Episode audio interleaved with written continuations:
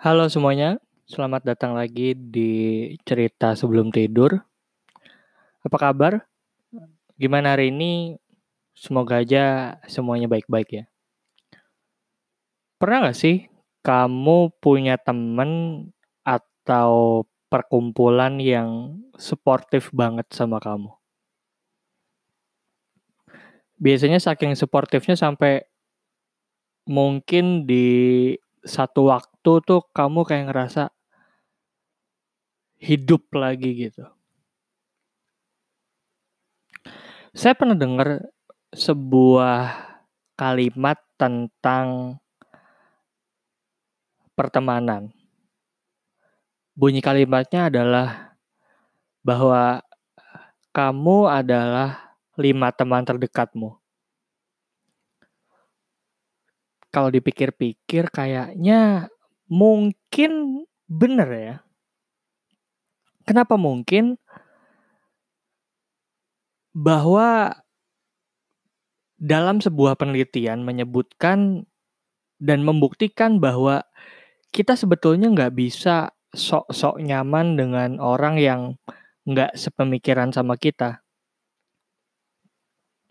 Oke, di awal-awal mungkin bisa nyembunyiin. Tapi di satu titik nanti pasti akan ada masanya kita kayak kayaknya nih orang enggak banget deh.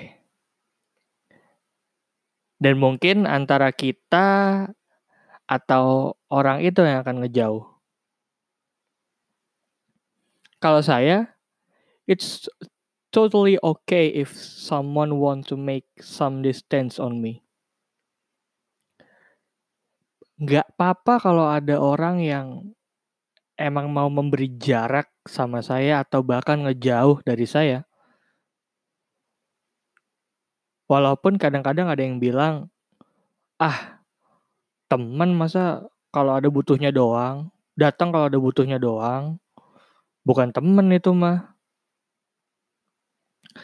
Well, kalau pemikiran saya, kalau emang kamu atau saya beneran nemenin dia, atau beneran temennya dia, Mau dia datang pas butuhnya doang, mau dia nggak datang pas kita butuh, atau mau datang pas perlunya doang, ya saya nggak akan perhitungan sama teman saya. Ngerti nggak konsepnya? Jadi kayak kalau misalnya emang saya ngerasa dia teman saya, saya nggak akan perhitungan sama dia. Mau dia datang kapan pun, atau kalau dia datang butuh doang, atau bahkan mungkin ketika saya butuh malah dia nggak datang, ya udah. Saya nggak akan perhitungan karena dia teman saya. Oke, kembali lagi ke masalah pertemanan yang suportif. Terus pertemanan itu kan pasti lebih dari satu orang ya. Ya mungkin ada juga orang yang cuman punya teman satu. Eh, tapi maksudnya adalah pribadi ini saya sebagai pribadi misalnya berhubungan atau melakukan hubungan pertemanan dengan orang lain. Terus gimana dengan orang yang introvert? Mereka nggak mungkin punya kelompok pertemanan dong kalau gitu. Ya, kalau bagi saya sendiri, introvert itu bukan nggak mau temenan sama orang yang banyak atau sama orang, atau nggak mau punya temen. Bagi saya, introvert adalah orang yang sangat memilih untuk berteman. Orang introvert akan cenderung main dengan orang yang benar-benar punya visi yang sama aja. Dan itu nggak apa-apa, it's totally okay. Sekarang kalau kamu emang punya teman yang mungkin datang pas butuhnya doang, dan ketika dia datang, kamu masih ada pikiran, ah, nih orang datang cuma kalau ada butuhnya doang. Katanya dia temen, tapi masa datang pas butuhnya doang? Mungkin kamu yang perlu nanya ke diri kamu. Kalau emang kamu merasa beneran berteman sama dia, ngapain jadi perhitungan kayak gitu?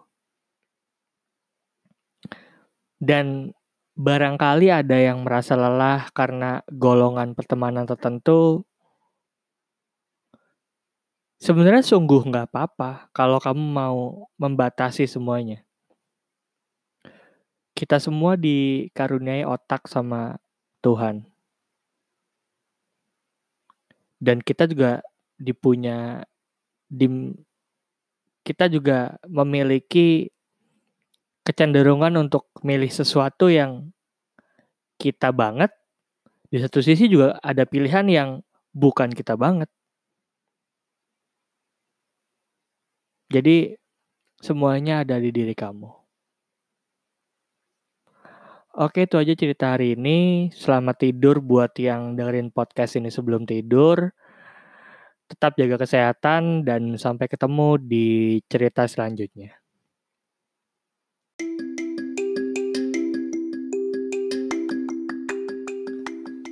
Halo semuanya, jangan lupa dukung saya di karyakarsa.com slash podcast bahasa kamu bisa dukung saya mulai dari Rp5.000 aja dan dukungan kamu pastinya sangat berharga untuk podcast bahasa. Jangan lupa karyakarsa.com slash podcast bahasa. Terima kasih.